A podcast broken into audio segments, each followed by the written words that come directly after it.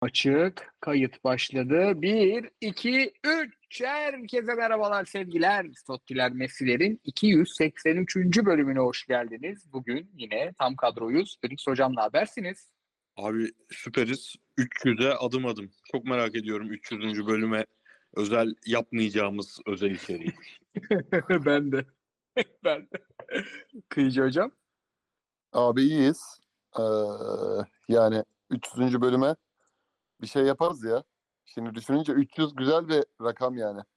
300. bölüm hafta her hafta bir tane yapsak ki yapıyoruz. Yani çok nadir gecikiyoruz. Ee, ne oluyor? 83'ten 300'ü düş. 17. 17'yi 4'e böl. 4 ay sonra. Ocak, Şubat, Mart, Nisan. Bir şey diyeyim mi? Oha çok güzel tarihmiş. Müthiş tarif. Dışarıda izleyicilerle soru cevap bir barda hayal ettim. Olabilir aynen. Aynen Muhteşem olabilir. fikir ya. Abi evet aynen olabilir. Ben bunu yazıyorum. Şu an not alıyorum. Barda Abi- 300. Hemen şimdi okudum. Biz yayından önce konuşamadım. Yeni okudum. Naspor hesabından okudum. Bu Halil Umut Meler meselesinde tek samimi tepkiyi veren, hepimiz dahil tek samimi tepkiyi veren Umut Nayır'la eşi çocuklarını kaybetmiş. Çok üzücü, çok gerçekten yani diyecek bir şey de bulunamayan bir durum. Allah sabır versin diyelim. Allah sağlıklı çocuklar nasip etsin diyelim. Amin abi. Başları çok sağ Amin. olsun. Hakikaten katılıyorum senin dediklerine de. Ee, onların dışında gerçekten herkesin hatta oku, ya ben menüyü şöyle vereyim. Ee, sorularınızın hepsine baktık. Orada zaten hem Fenerbahçe Beşiktaş var. Pardon Beşiktaş Fenerbahçe. Fener iç saha takımı gibi oynayınca şeye gitti kafa. Ee, hem e, Galatasaray'da var. Şampiyonlar Ligi maçı olsun, ligdeki durumu olsun, transferler falan olsun. Ee, hem de bizim konuşacağımız sahanın dışındaki bu federasyon, hakem, Halil Umut Meler olayı da var. Ama ben önce bunu bir kendim sormak istiyorum size çünkü e, yani önce bir kendi fikrimizi ortaya koyalım. Biz bir de açık konuşmak gerekirse sahanın dışında konuşmakta konuşmaya çok alışık insanlar da değiliz. O yüzden orada e, daha kontrollü, ke- kendi kontrolümüzde gitmemizde fayda var. Ne yalan söyleyeyim. E, abi olay yaşandığı andan itibaren benim tek gördüğüm şey olayın kendisini yani o rezaletin kendisini de konuşuruz. Ee, hocaya çok geçmiş olsun. Tek gördüğüm şey her kurumun Kulüpler Birliği'ni de bir kurum olarak kabul ediyorum. Her kurumun başka birine suç atmasını gördüm. Fred hocam senle başlayalım. Bu iki yüzlülükle bu işin içinden çıkmanın hiç mümkün olduğunu düşünmüyorum. Ee, istersen sebeplerini, istersen sonuçlarını, neresini istiyorsan irdeleyelim hep beraber. Abi finalden başlayalım bence. Şu anki ortamdan başlayalım. Olay olalı iki gün geçti, iki akşam geçti. Şu an gelinen noktada Halil Umut Meler'in evine gidişinin haber yapılış şekli, Halil Umut Meler'in eee, hastanedeki görüntülerini falan gördük değil mi?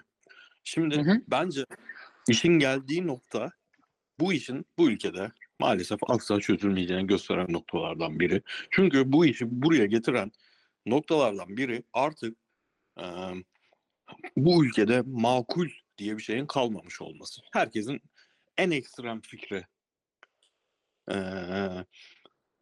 daha çok prim vermesi, en ekstrem şeyi söyleyenin daha çok el üstünde tutulması, daha çok izlenmesi, daha çok dinlenmesi, daha akil adammış gibi davranılması sonucunda o yumruk atıldı. Ama o hiçbir şeyin dengesini tutturamama hali var ya, atılan yumruk hakemin hakemlik kalitesinden bağımsız, iğrenç, korkunç bir hareket. Ki Halil Umut Meler ligdeki belki de tek iyi hakem. Ondan da bağımsız. Ama şu an verilen tepki de sanki ülkede hakemlik sorunu yokmuş gibi. Yani hakemler çok kötü değilmiş gibi. Bir anda bu ülkenin gerçekten asla bu mesleği yapmaması gereken hakemleri piyasaya çıktılar ve kanal kanal geziyorlar. Ne kadar e, kendilerine haksızlık yapıldığını Halil Umut Meler gibi dışarıdan gördüğüm kadarıyla çok kıymetli bir adam üzerinden kendilerini temize çekiyorlar. Halil Umut Meler'in evine dönüş falan böyle e, savaştan dönmüş bir komutan edasında karşılanıyor falan. Ya bu abartı huyu bu ülkedeki. Yani hiçbir konuyu o konunun kendi özelindeki şartları konuşarak değil de sanki böyle bir Reha Muhtar ana haberleri vardı ya. Her şey Reha Muhtar ana haberi oldu artık ülkede yani. Porno Her şey abi. nasıl? Haberciliğe pornoyu getiren adamdır Rea Mustafa. Aynen abi. Aynen. Ve şu an iş tamamen Şirazesi'nden çıktı. Yani mesela bir anda abi süresiz ligleri durdurduk dedi adam. Bu ülkenin futbolunu yöneten adam. Niye abi? Bir bırakın hakemlere bırakın mesela. Sen ligleri durdurma. Mesela ligler devam etse ve hakemler herhalde hiçbir haysiyetli hakem bu hafta sonu zaten maça çıkmazdı. Ama onu görseydik mesela o çok daha etkili olurdu. Kesin. Ama tepe, tepeden bir şey indi bir anda ve bak, süresizlikleri durdurduk. Niye? Niye? yani sonra aa süresiz durdurduk ama tamam. Cumartesi değil salı oynatacağız'a döndü falan filan. Yani sirk abi. Sirk. Yani bu iş sirk. Ha, o hareket, o adamın yaptığı hareket yani hiçbir şartta zaten böyle ben medeni insan olmanın gereğinin empati olduğunu düşünürüm ama bu kelimenin hiç bu ülkede o kadar boşaltıldı ki empati deyince böyle osuruktan konuşuyorsun gibi oluyor ama her şartta hele böyle konularda ben öbür tarafında olsaydım bu işin ne düşünürdüm? Mesela çok basit. Tuttuğun takımın aleyhine bir karar çıktığında ya ben öbür tarafta olsaydım ne düşünürdüm? Ya da tuttuğun takımın lehine bir karar çıktığında ben öbür tarafta ne olsaydım ne düşünürdüm? Bu his önceden bence bu kadar kötü durumda değildik. Artık kimse de yani çoğunlukta özellikle gündemi belirleyen çoğunlukta kalmadığı için bu iş bu noktaya geldi. O yüzden hani herkes şaşırıyor böyle. Abi adam böyle bir hareket yaptı taraftarı destek veriyor falan. E o yani senin be- benim kulübümün bir yöneticisi yapsa aynı hareketi benim de taraftarımın ciddi bir, bir bölümü helal olsun diyecek. Çünkü kalmadı abi kalmadı yani. Aynısını ben yaşasam ne olurdu? Kendi içinde ölçüp tartmak diye bir şey kalmadı. Maalesef hani bu ülkede hiçbir zaman bu bir milat olsun denen bir konu gerçekten milat olmadı. Çünkü dediğim gibi kendi özel şartlarında tartışılmayıp senin tabirinde bir böyle gündem pornosu oluşuyor ve onun üzerinden konu kaynayıp gidiyor. Bu da muhtemelen öyle olacak. Valla ben eee, hocanın, hakemin, Halil Umut Meler hocanın yarısında millet çok insanın elinin kirini silmeye çalıştığını görüyorum. Utanç verici. Yani bu her hafta şu takımı ligden çekin kardeşim, Almanya'da çalışın kardeşim, yok bilmem nerede böyle iş yönetilir mi kardeşim, senin yönetimin güçlü olmazsa bu hakemler de yüz bulur, bunu yapan kardeşim diyenler şu an en çok bağıranlar. Ben eee, ya biz artık bu işten para da kazandığımız için ve birkaç senedir yaptığımız için yani para kazanmaktan daha önemlisi emek vermek, mesai vermek, zaman vermek. Biz bu işe 8 senedir eee, mesai verdiğimiz için ve işi iş, mesai mesai olarak görmediğimiz için. Oradan bakabiliyorum önce. En çok konuşanlar, en çok bağıranlar. Futbol konuşurken izlenmem korkusuyla Anadolu takımı konuşmayı bırakıp ondan sonra futbol konuşmayı komple bırakıp 45 dakikanın 40'ını hakem konuşup da aya halk böyle istiyor diyenler en çok konuşanlar. Her yayında onlar var. Her hakemi onlar alıyorlar. Çünkü etkileşim porno yani gündem pornosu değil. Yaşadığımız şey bir etkileşim pornosu. Yetmiyor. Yani orgazmın bir sınırı yok. Paranın bir sınırı yok.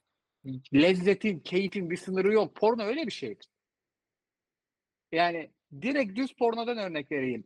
Normal kadın tasviri, normal erkek tasviri yoktur. Erkek daha iktidarlıdır, daha her şey kocamandır. Kadın öyledir ya. Bu o. Ve en çok onlar konuşuyor. İlk kendi baktığım yerden öyle söyleyeyim. İkincisi en canımı sıkan şey uzun süredir. Çünkü benim doktor arkadaşım da çok. Bu memleketin 50 yaş üstü haksız zenginlerinden feci sıkıldım ben. Eğitim yok. Kültür yok. Parayı hak etme yok. Parayı sindirme yok. Efendilik yok. Akıl yok. Zeka yok. Usluluk yok. Ağırbaşlılık yok. Berbat insanlar bunlar. Hastanede doktor dövenler bunlar.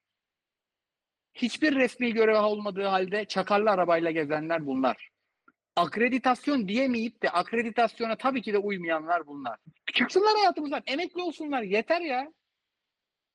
50 tane o yumruğu atan adamdan var Türkiye'de. Şu an futbolun içinde. 50 tane. Bir tane iki tane değil. Bu sadece bir tanesi. Gidin bir tane kulübe inin şeref tribününe.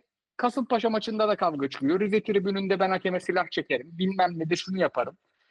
Kimi ben hakemi içeri kitlerim. İnsanlar bununla övünecek hale geldi.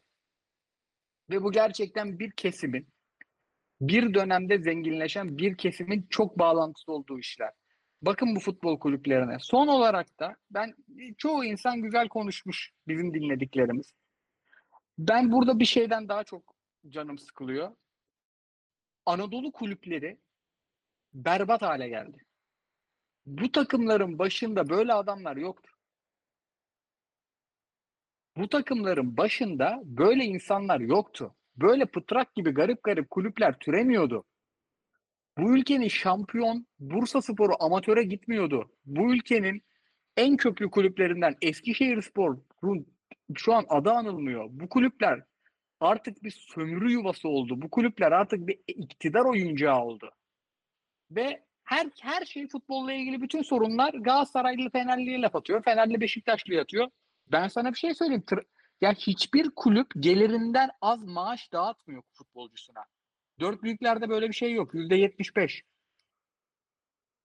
Yüzde yüz on, yüzde yüz otuz, yüzde yüz elli şu an Süper Lig'deki Anadolu takımlarının o berbat top oynayan, halı sahaya çağırmayacağın yabancıları alan Anadolu takımlarının çoğu kazandığının 10 katı maaş dağıtıyor neredeyse.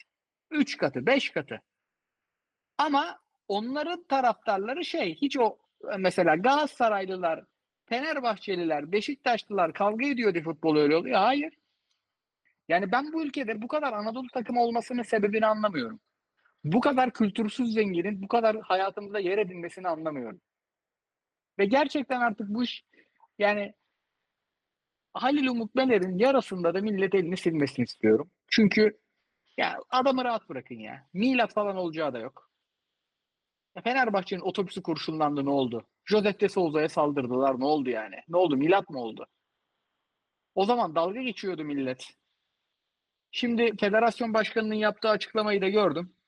Faruk Hoca'ya başkanımız diyor abi. Yani bu adam bu kriminal bir durum lan bu.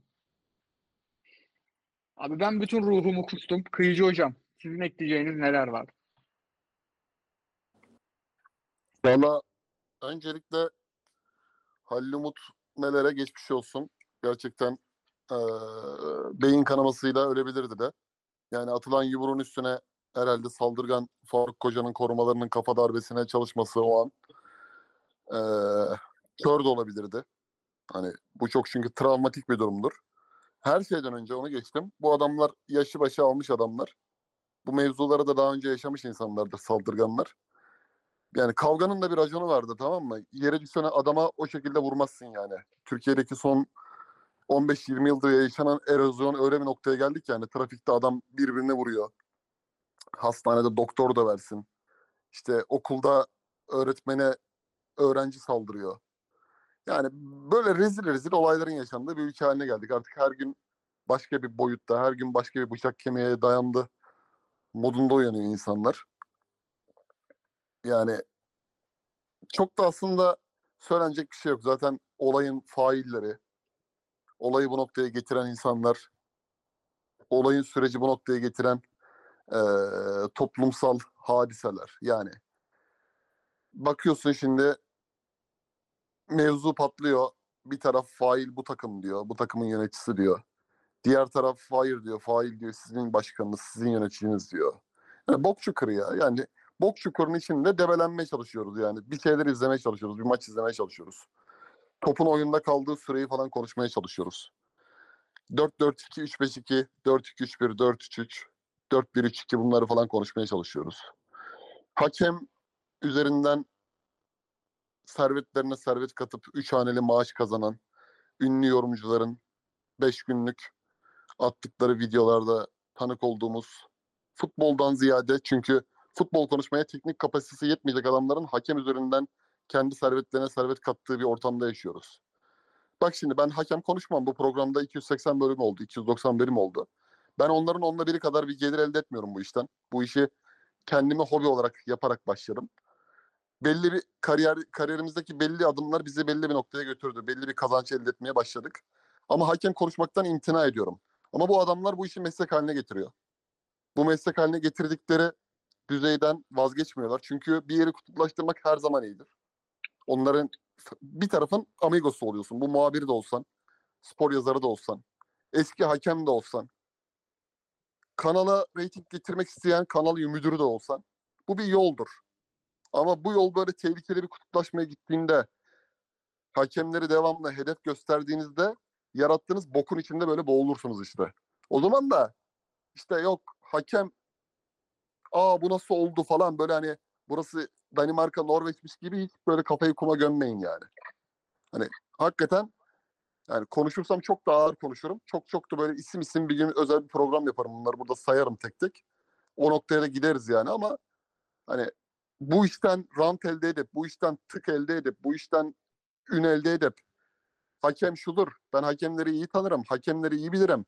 Hakemlerle büyüdüm. Hakemlerle yaşadım diye hedef gösterip gösterip Halil Mutmeler bir bir yerin adamı değil abi. Bir takımın adamı değil yani. Bir Fenerbahçe'ye adam veya Galatasaray'ın adamı değil abi. 2021 yılında Ankara Gücü Galatasaray maçı İbrahim Akdağ'ın provoke ettiği maç Mustafa Muhammed 57-58. dakikada kırmızı kartla atıldı. Galatasaray'ın pandemi sezonunda şampiyonluğunu kaybettiği maçlardan bir tanesidir. Hatta Fenerbahçe'yi yendikten sonra o ligdeki o mağlubiyetle başlamıştır Galatasaray'ın ligden kopma maçı. Ama bir taraf Halil Mutmeler operasyon çocuğudur diyor mesela Galatasaray'ın adamıdır diyor. Bir taraf Fenerbahçe maçında bize diyor şunu göstermedidir diyor, şunun adamıdır diyor. Hakikaten Türkiye'ye giren tek elit hakem, elit seviye hakem. Benim için hala bir Cüneyt Çakır değil.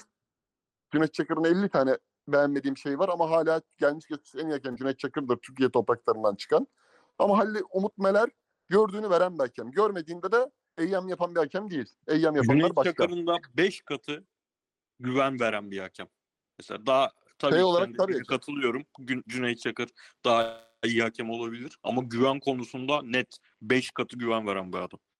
Abi işte gördüğünü çalarak zaten o güven ortamını kendi oluşturan bir hakem her şeyden önce. Cüneyt Çakır Şampiyonlar Ligi'nde başka maç yönetip Türkiye'deki başka maç yönetme işlerini yapmasaydı Cüneyt Çakır da Türkiye'de hala başka bir çizgide olacak bir e, hakemdi. Ama şu var abi bak. Yani bu iş tepeden tırnağa bir komisyon işidir. Bak Türkiye'deki bütün eski teknik direktörler, Türkiye başarılarını kazandırmış Fatih Terim, Mustafa Denizli, Şenol Güneş. Bu üçü, üçü de zaten şu an boşta. Ondan sonraki gelen kuşak. Aykut Kocaman, Ersun Yanal. işte devamında akla kim gelirse. Türkiye'de şampiyonluk kazanmış hocalar hatta. Ertuğrul Sağlam da bunu sayarım. Ee, Türkiye'deki kulüplerin başındaki teknik adamlar. Özellikle yerli teknik adamlar. Vincenzo Montella, milli takım teknik direktörü. Türkiye'nin önde gelen spor yazarları. O demin az önce söylediğim popüler olan spor yazarları. Hani her hafta video çekip de bu hakem ortamını tırmandıran spor yazarları. Türkiye'deki başkanlar, Türkiye'deki hakem kurulu, Türkiye'deki ön- önde gelen hakemler. Herkes ama herkes eksiksiz. Bu artık yukarıda Cumhurbaşkanı talimatıyla mı olur? Bir komisyon kurulur, kurduran Cumhurbaşkanı mı olur bilmiyorum. Oturacaklar abi bir yazı yazı kaleme alacaklar. Herkes önerilerini söyleyecek. Türk futbolunun kurtuluşu nedir? Türk futbolundaki sorunlar nedir? Herkes bir görüş söyleyecek ya. Üç paragraf atıyorum. Fritz Fassbender. Alanya Spor'un teknik direktörü mesela. Gelecek abi Fritz Fassbender. Türkiye futbolunun kurtuluşu için 3 madde en az. Şunlar şunlar şunlar. Bu bir süzgeçten geçirecek. Bu 300 kişi olur, 250 kişi olur, 150 kişi olur. Bu saydığım adamlar medya müdürleri de dahil. Medyayı oluşturanlar da dahil. Hani medya her olayda diyor ya. Hani biz ya, çok üzüldük, olsun istemezdik. Bunu tırmandıran bir tane sac ayaklarından biri de medyadır. O müdürlerin istedikleri tiraj yapan gazete gerçeği kalmadı. Artık tiraj olayı yok da işte izlenme sayılarına da yansıyor artık iş. Bütün bunlar hepsi toplanıp bir komisyon. Bu hani Fatih Terim de aynı komisyona yazı yazacak. Atıyorum Bengü Türk TV'nin müdürü de aynı kanala, aynı yere komisyona yazı yazacak. Bu bir süzgeçten geçirilecek bir acil eylem planı çıkartılacak. Bu acil eylem planının içinde bir sene, iki sene, üç sene kademe kademe bu hakem. Bak hakem çıkmıyor abi. Elit kategoride hakem yok Türkiye'nin. Bir tane Halil Umut Meler'den bahsediyoruz. Olanların hepsi zaten beğenmediğimiz. Bak şunu söyleyeyim. Dünyada hakikaten bir hakem krizi var. Premier Lig'deki maçlarda da neler neler izliyoruz. La Hani Liga'da felaket. La Liga'da öyle Michael Oruvel neler yaptı. Bir tek Almanya'da Felix Biric hala iyi bir hakem ve Orsato'yla İtalya'da Davide Massa iyi bir hakem. E, yanılmıyorsam. Şimdi bu denklemde Türkiye'deki hakemler neden formsuz? Türkiye'deki hakemler 2017'den beri 6-7 yıldır neden gittikçe geriye gidiyor? Bu sezon dip yaptı. Türk futbolundaki şiddete dönük eylemler bir başkan nasıl sahaya inebilir? Türkiye'deki başkan seçilen kişilerin eee, nasıl bir ehliyet, nasıl bir kimliği, nasıl bir gücü var? Türkiye'deki bu başkan seçilen kişiler akreditasyonla inilecek alana nasıl o, o kadar rahatlıkla inebiliyor? Türkiye'deki statlar ne kadar güvenli? Türkiye'deki başkan seçilen kişiler ruhsatlı silahlarıyla nasıl ama nasıl maça bu yaşanmadı mı? Rize Spor Başkanı demedi mi? Silahın olsa hakemi vururdum diye gülerek bir televizyon programında hepsi birlikte ya hocam yapmayın işte falan diye Mes- yani. Abi aynen.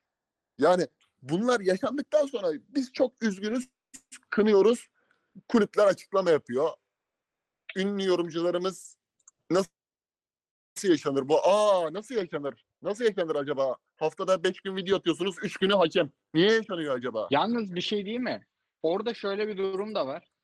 Bak bana birkaç kişi Ali Koç'un açıklamasını atmış. Bunları da retweetle göreyim seni falan filan diye. Ben birine bile demedim kibarlıktan. Sen şu YouTube geçmişini bana bir atsana diye. Abi bak bu Bak hakem o konusu bak benden benden Galatasaraylılık bekleyenlerin yüzde doksanı her gün o yorumcuları dinliyor. Ben objektif olacağım. Ben içime açacağım. Ben hep doğruyu konuşacağım. 25 maçı da ben izleyeceğim. Ama benden bunu isteyen lavuk bütün gün o yorumcuları izliyor. Bu adamlar kardeşim bu adamları spor influencer'ı yapan bana Ali Koç paylaşsana lan diyen herifler. Bizim eşimizin dostumuzun içinde bu hakemlerin dayak yiyeceği belliydi. Niye şaşırdınız falan diyen 50 tane adam var. Normalleşmiş bile bu. Dolayısıyla Tabii. bak ben müşteriye eğitmem. Ben ticaretin içinden geliyorum. Beni dinleyen insanlar zaten buradan bir bu be- bedava bir ürün. Beni dinleyen insanları benim dinleyicimi, izleyicimi eğitmek gibi hiçbir hedefim olamaz. Zaten dinleyenlerin çoğunun kafası benden çok çalışıyor. Ve fakat kendimi de eğittirmem yani. Çünkü bakıyorum ben izlenmelere. Ben YouTube başlığına, YouTube thumbnail'ine hakem koyduğunda kaç izleniyor o insanlar? Hakem koymadığında kaç izleniyor bakıyorum. Abi koskoca Önder Özen tek başına sadece futbol konuştuğu program yaptığında niye 7000 izleniyor da o dediğin isimlerle program yaptığında 100 bin izleniyor. Aynen yani sen bir şeyin kirlenmesine izin verirsen o kirlenir abi. Öyle. Yani bu, o yüzden Aynen. de ve benim en canımı sıkan şey şu durumda şu. Bak bu yemin ediyorum sana sınıfsal. Hiçbir şey bak hep garibanın başına geliyor. Devlet hastanesinde maaş alan doktor yiyor da ya. Burada hakem yiyor da ya. Ama ya Halil Umut Meler'in Ankara gücüne zararı, Ankara gücüne 700 tane topçuyu alıp iki kere batıran başkanlardan daha mı çok? Halil Umut Meler daha mı çok kastetmiştir? İki tane kırmızı kart fazla verdi diyelim. O mu? Ya bu kulüp Ankara gücüne gelen kaç tane topçunun otel paraları ödenmedi. İngiliz milli oyuncu Darius Vaseller falan küfrede küfrede gitti. Ama onlar işte o kulübü koyanlar, o kulübü esas zarar verenler neden dayak yemiyor biliyor musunuz? Neden avukatlar kollarına giriyor biliyor musunuz? Çünkü zenginler. Çünkü kudretliler. Halil Umut Meler Ferrari ile gelse gitse bu dayağı yemez. Halil Umut Meler'in 3-5 tane siyasinin yanında fotoğrafı olsa kimse inemez sahaya. O yüzden ben külliyen işin içinde olan herkesin tanıdığım tanımadığım iki yüzlülüğünden o kadar utandım ki bir yerden sonra hiçbir şeyi takip etmemeye başladım. Evet samimiyetsizlik yani. Ay, Umut Nair hariç samimi duygularını dile getiren insan yok. Abi söylediğin şeyler özellikle sana Ali Koç paylaşabilecek misin falan zaten yani seni takip edip de böyle bir şey demek acayip de ama ben hiçbir şeyin yani özellikle biz futbol konuşuyoruz. Futbol içindeki hiçbir şeyin ülkenin geri kalanında olan biten herhangi bir çevresel faktörden bağımsız olmadığını düşünürüm. E, Abi mesela şimdi yeniden bir seçim süreci yaklaşıyor.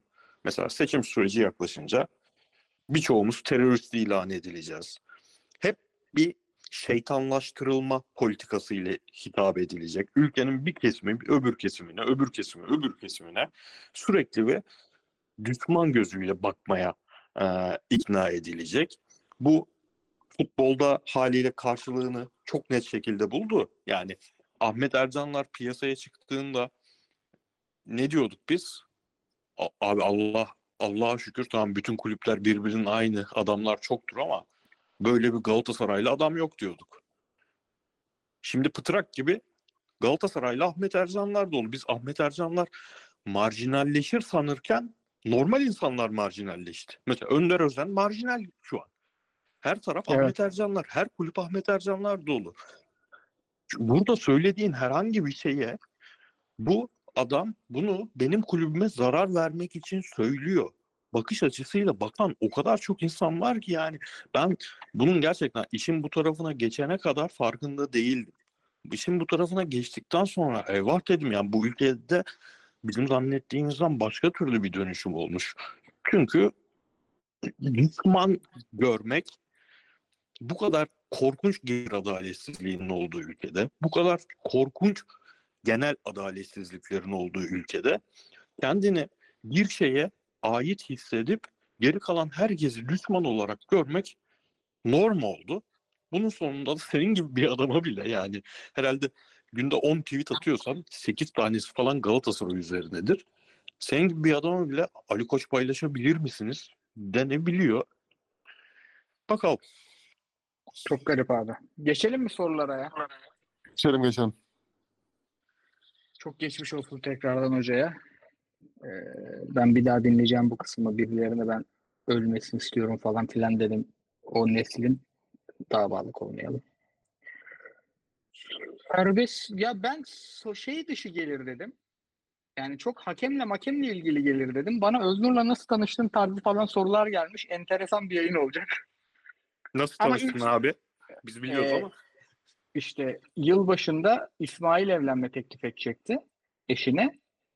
Ben İsmail'den yüzük fotosu falan bekliyordum. İsmail beni aradı. Ben de o zaman Onur Yılmaz'ı tanıyorsunuz. Onlara yılbaşı kutlamaya giriyordum. İzmir'de restorancılık yapıyordum o zaman. Abi bu adam hiçbir bana ya şöyle evlenme teklif ettim, şöyle oldu, böyle oldu demedi ki. Teklif etmeden önce her gün konuşuyorduk yani. Bugün büyük gün bilmem ne. Koraycığım sana ruh eşini bulduk. Ya bunlar Seda'yla oturmuşlar. Ya bunlar ne kadar yakışır falan demekten evlenme teklifini unutmuşlar. Böyle gecenin bir körü geldi yüzüklü foto. Abi dedim "E, Allah razı olsun. Bana paso Özgür'ün Instagram'ından screenshot gelmeye başladı. Belli bir yerde kafalar da güzellenmiş. Abi ben zaten yani hasta oldum. Özgür uzun süre benimle tanışmayı reddetti. Ben bir kere İstanbul'a geldim görmeye geri döndüm. Hatta sonra İsmail'in düğününde tanıştık biz. Hatta ben İsmail'in düğününde de bu kız suratıma bakmaz diye bir gün önce yani Araslar'da kalmıştım. Armalarda çok içmiştik. Maymun gibi gittim düğüne ama yerden maçı döndürdük hocam. Baylar selamlar demiş emekli muhafazakar. Bir time kod da alayım da insanlar neyi nerede dinleyeceğini bilsin.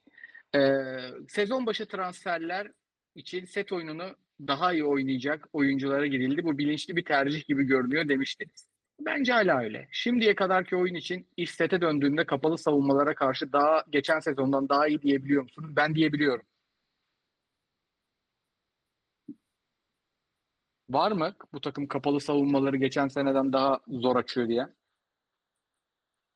Hmm, Abi Ümraniye maçı falan Abdülkerim kesmese bir de yarım Icardi ile oynuyorsun sen bu seneyi. tabii. Ama yani Davinson'un eklenmesi biraz işleri değiştirdi gibi geliyor bana o açıdan. Ben de hani bizim aslında şey analizimiz biraz yanlışmış diye düşünüyorum şu an.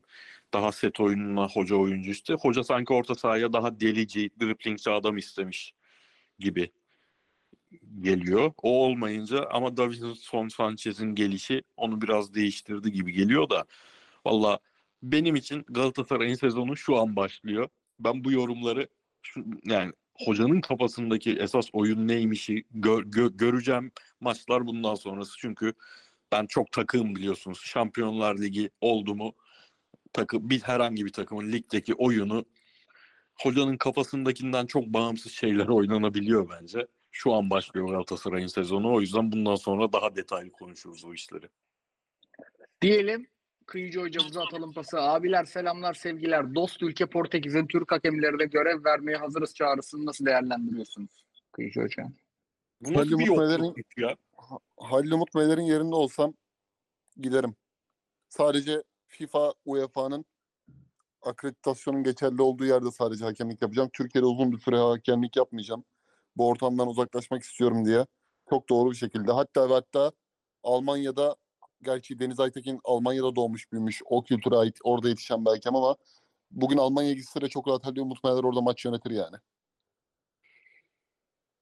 Arabistan hayvan gibi teklif yapar bence Bak- hoca. Halil Umut Meler'in zaten bir uzaklaşması lazım. Türkiye'de halen şu an bir yani özel bir iltimasla aman ona laf söylemeyin, aman ona bir şey demeyin artık hakemi olmaması lazım. Bu diğerlerinin arasında huysuzluk da yaratır.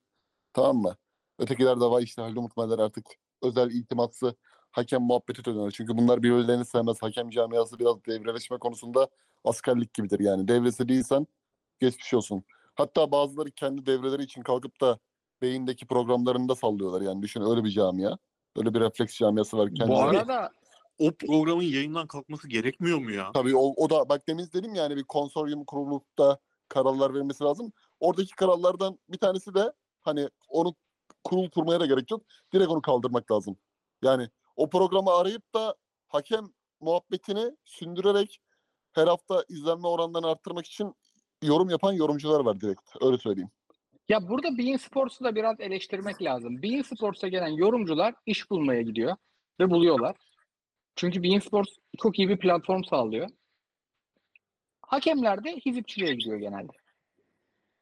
Ya Bein Sports'a işini iyi yapmaya giden çok az yorumcu gidiyor. Hepsinin hedefi bir sonraki adımı.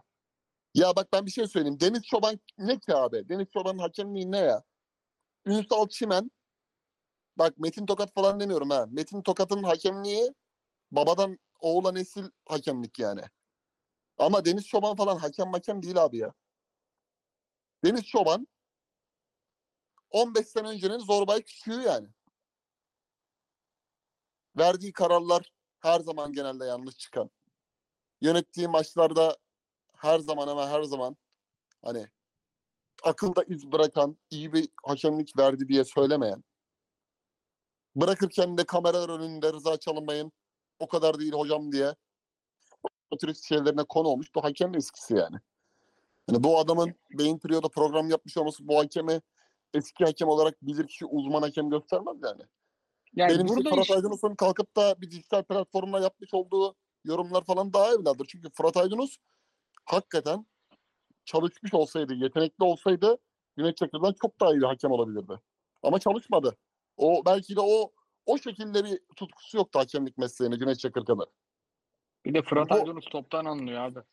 A- ama işte bak bu adamların yapmış olduğu hakemlik neydi ki bu adamlar kalkıp da Beyin Trio'da gündemi belirleyen kararlara imza atıp da işte e, ligin manipülasyonuna sebep olan emsal gösterilip de Deniz Çoban ve ekibi de böyle dedi diye konu olan Lale Orta'nın geçen sezon ortalığı karıştıran mevzularındaki baş aktör olabilecek kadar toplum içinde ayrışma, kutuplaştırma yaratıyorlar. Ben onu anlamıyorum yani. Bak Erman Toroğlu vasat bir hakem. Geçmişe. Ama Erman Toroğlu Türkiye Ligi'ndeki o dönemki hakemlikten TV'ye geçişteki keskin bir show business yıldızı olduğu için Şansal Büyükay'la 15 sene Türk futbolunda yayıncılık anlamında kimine göre yanlış, bana göre de yanlış olduğu yerler var. Kimine göre eğlence kapsamlı bir iş yaptı. Oradan bir uzmanlık edindi. Ahmet Çakar gerçekten iyi bir hakemdi. Ben Şampiyonlar Ligi'nde 94'te, 95'te, 96'da Ahmet Çakar'ın yönettiği maçları çocuk aklımda hatırlıyorum yani. Yarı finalleri falan hatırlıyorum Ahmet Çakar'ın yönettiği. Ahmet, Ahmet Çakar Çakar stardı ya. Bu işin bu işin Ahmet Çakar'da hani şov tarafını köpürterek kendi iç- içerisindeki cevheri keşfetmiş. Sonra başka şekilde daha çok para kazanmaya dökmüş bir hakem etkisi. Ve bu Deniz Çobanlara, Melis Çobanlara da futbol oyun kural kitapçığında kendi dönemlerine göre şey verir. Avans verir yani. Ama eee, bu trio gibi programlarda yapılan inanın Ahmet Çakar'la Erman Toroğlu'nun yaptığı işlerden çok çok daha tehlikeli ve toplumda infial yaratacak neticelere sebep olabilecek bir iş. Yüzde yüz katılıyorum o yüzden acilen kaldırılması lazım. Diyelim devam edelim. Güçlü Berk sormuş. An- Angelino ve Endombele artık gitti diyebilir miyiz? Abdülkadir Sanchez Nelson üçlü savunması denenebilir mi? Fritz hocama hep Galatasaray sorusu denk geliyor. Ya Üç- Endombele Üçlü zor be. abi zor zor. Zaten hocayı da biliyoruz hocanın. Hani Başakşehir'de vardı herhalde bir iki maçı da. Şimdi bu kadar iyi bir ikili tutturmuşken yani oyununun temelindeki oyuncular bunlar. Oyununu o ikili e, üzerinden her şeyi belirliyorsun. Abdülkerim, Davinson üzerinden belirliyorsun. O yüzden hani e, bir de Galatasaray'ın zaten esas sorunu sürekliliği ön tarafta sağlayamaması. Tamam 8 numara alınmaması ve e, sol bekin tutmaması da ciddi sorun da sonuçta artık oyuncuların bunlar. Ön taraftaki kalabalık oradan e, üçlüye döndüğün an orayı ayarlamak bir kişiyi çıkarmak zorunda kalacaksın ekstradan. Daha da kalabalık, daha kalabalık görünecek falan. Bir süre gerek yok. Yoksa hani ara ara o hayali kurdurdu Angelinho'nun gelişi. Zaten bundan verim alacaksak ancak böyle alırız gibi bir şey e, insanların kafasında oluşmuştu. Ama özellikle şu son dönem Sacha Boey'nin artık e, gerçekten e, ön tarafta orta sahanın koşucu bir parçası olarak sağ bek değil sağ iç ama koşu atan bir sağ iç olarak kullanılmaya başlanması falan taşlar yeni yeni yerine oturuyor. Bundan sonra da oturacak. O yüzden üçlüye dönüşle tekrardan bir kurcalamaya girmez diye düşünüyorum hocam. Sorunun devamı gibi e, Haru sormuş. Kıyıcı hocam sizce Abdülkerim Bardakçı 5 yaş genç olsa kaça giderdi? Bence en az 30. Bence şu anda 30'a gidebilir. İnanılmaz top oynuyor. Şu an Abdülkerim Bardakçı'nın oynadığı futbol Liverpool'da Van Dijk'in yanında tamamlayıcı stoper oynayabilirdi çok rahat. Ozan Kabak'la Klopp'un yarım sezon denediğinde Abdülkerim Bardakçı çok çok rahat eğer 5 yaş 6 yaş falan genç olsaydı hızını da katarak şu an oynayabilirdi. Hele ki o attığı uzun paslar var ya onları salağa falan atacak Klopp bayılırdı herhalde. Harbi Belki de- düşer bayılırdı. 2000, 2019'daki yaratmak istediği, çizgiye bastırmak istediği Bektar'la beraber Muhammed Salah 3. topları direkt oynayan oyun korelasyonunda Bardakçı inanılmaz bir stopere evrilirdi. Ama işte eee, bir de şöyle bir şey var. Belki Galatasaray değil de başka bir teknik adamla başka bir takıma gitseydi bu kadar da iyi olmazdı. Bizim gözümüzdeki illüzyonu bu kadar iyi olmazdı. Galatasaray onun için çok çok ideal oldu. Hani Juventus'un aynı arada Barzagli, Bonucci, je- jenerasyonu yakalaması var ya küme düştükten sonra. Aynı onun gibi cuk arataş oturdu yani. Hem o Galatasaray'a oturdu hem de Galatasaray ona e, ihtiyacı olduğu zaman karşılıklı bir win-win verimi alındı. Abi Evet, Ozan yani- Kabak Liverpool bu olay benim kafadan niye çıkmış ya? Bayağı yok Abi bir yani ara hatırlarsan inanılmaz derecede Van Dijk'in yanına stoper arıyorlardı. Öyle bir dönemde Ozan Kabak Alman liginden sakatlıklar da vardı. Hem Matip'in uzun sakatlığı vardı. Konate'de var mıydı hatırlamıyorum ama Yok Konate Konate'yi almamışlardı da. Almamışlardı. Aynen hatırladım çok da, yani sen demesen şu an komple yoktu benim beyinde. O şey evet, evet. bizim böyle aa ciddi ciddi bu herifler stoper transferi yapmadı dediğimiz yazın devresinde almışlardı da. Yani şöyle düşünüyorum. Hatta Abdülkerim Bardakçı'nın şu anki hali bile olsa 5 yıl öncesindeki hızını ihtiyacı vardı dedim ya. Van Dijk hızlı olduğu için 27-28 yaşında saat hattından geldiği sezonlar Abdülkerim'in şu anki hali o Van Dijk'in yanında yine oynardı. Şu anki haliyle de. Hıza da gerek yok. Çünkü e, Abdülkerim'in çok iyi bir pozisyon bilgisi var. Bu Davinson Sanchez gelince özellikle sakatlanmadığı müddetçe Davinson'un da performansıyla çok çok daha ileri gitti. Birbirlerini çok iyi tamamlıyorlar. Çok iyi ittiler. Ee, o yönden çok kıymetli bir oyuncu Abdülkerim.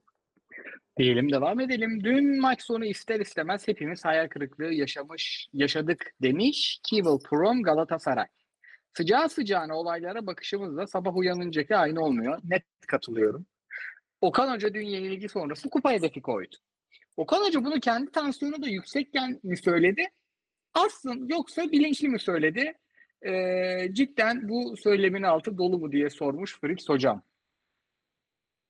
Hmm. Önce kendi duygu durumumdan bahsedeyim. Ben maç bittiğinde de çünkü dördüncü olmaktan çok korktuğum için o çok psikoloji bozan bir şey olurdu ki hani maçların gidişatında da hiç uzak bir olasılık değildi. Olabilirdi. Aynen. O yüzden bittiği an gayet beni mutlu eden eee tatmin olmuş bir şekilde kalktım maçın başından. Çünkü ben en başından beri hani iş öyle bir noktaya geldi ki tabii ki eee United'ı altına kesinlikle almışsın. Kopenhag'da yenersen çıkıyorsun. Böyle bir noktaya gelince çok üzü- üzücü. Ama bu takımın kuruluş aşamasına bakınca hem geçen yıla hem bu yaz yapılan transferlere hem e, zaten çok konuştuğumuz birazcık yanlış e, noktaya götür götürülüşü takımın kurgusunun falan şu anki gelinen nokta bence zaten daha ikinci sezonunu beraber geçiren bir takım için gayet iyi e, bir şey. Üçüncü olmak bu grupta. Ha bugün haliyle çok fazla insan altında kaldığımız takım Kopenhag olduğu için ya şu kadar paraya kurulmuş Kopenhag'ı geçmesi lazımdı bu kadar pahalı bir takımın diyor ama ya benim hiç asla katılamadığım fikirler bunlar. Yani demiyorum ki üçüncü olduk göbek atalım. Tabii ki net bir başarı değildir. Ama ya futbolun formülü yok yani. Futbolun öyle bir formülü olsaydı zaten sen United'ın altında kal- kalırdın zaten. Yok öyle bir formülü yok. Evet Kopenhag'da geliyor bir şekilde seni geçiyor. Ha e, ben şu açıdan ilk Kopenhag maçında verilen puanın o Kopenhag maçında 45 ile 65 arası oynanan korkunç futbolun başımıza dördüncü bir yaparak bize iş açacağını düşünüyordum. Dördüncü değildi, üçüncü yaptı. Yani oradaki 20 dakikalık korkunç dağılışı Galatasaray'ın e, işi bu noktaya getirdi. Ama o 20 dakikayı çıkartınca da az puan toplamış olmamıza rağmen benim geçirdiğim en güzel Şampiyonlar Ligi Galatasaray maceralarından biriydi bu. Çok net en Abi. güzellerinden biriydi yani. 15 dakika United maçı var deplasmanda oyunu verdiği. Evet. 15-20 dakika içerideki maçta var yorgunluktan dağıldı. Sakat da çoktu. Yani Hı. net olmayan oyuncu çoktu. Bu maçtan önce de hem Zaha'da hem Ziyech'te sorun vardı. Kopenhag maçının hadi tamamı diyeyim. Tamamı değil Evet. de hadi tamamı diyeyim.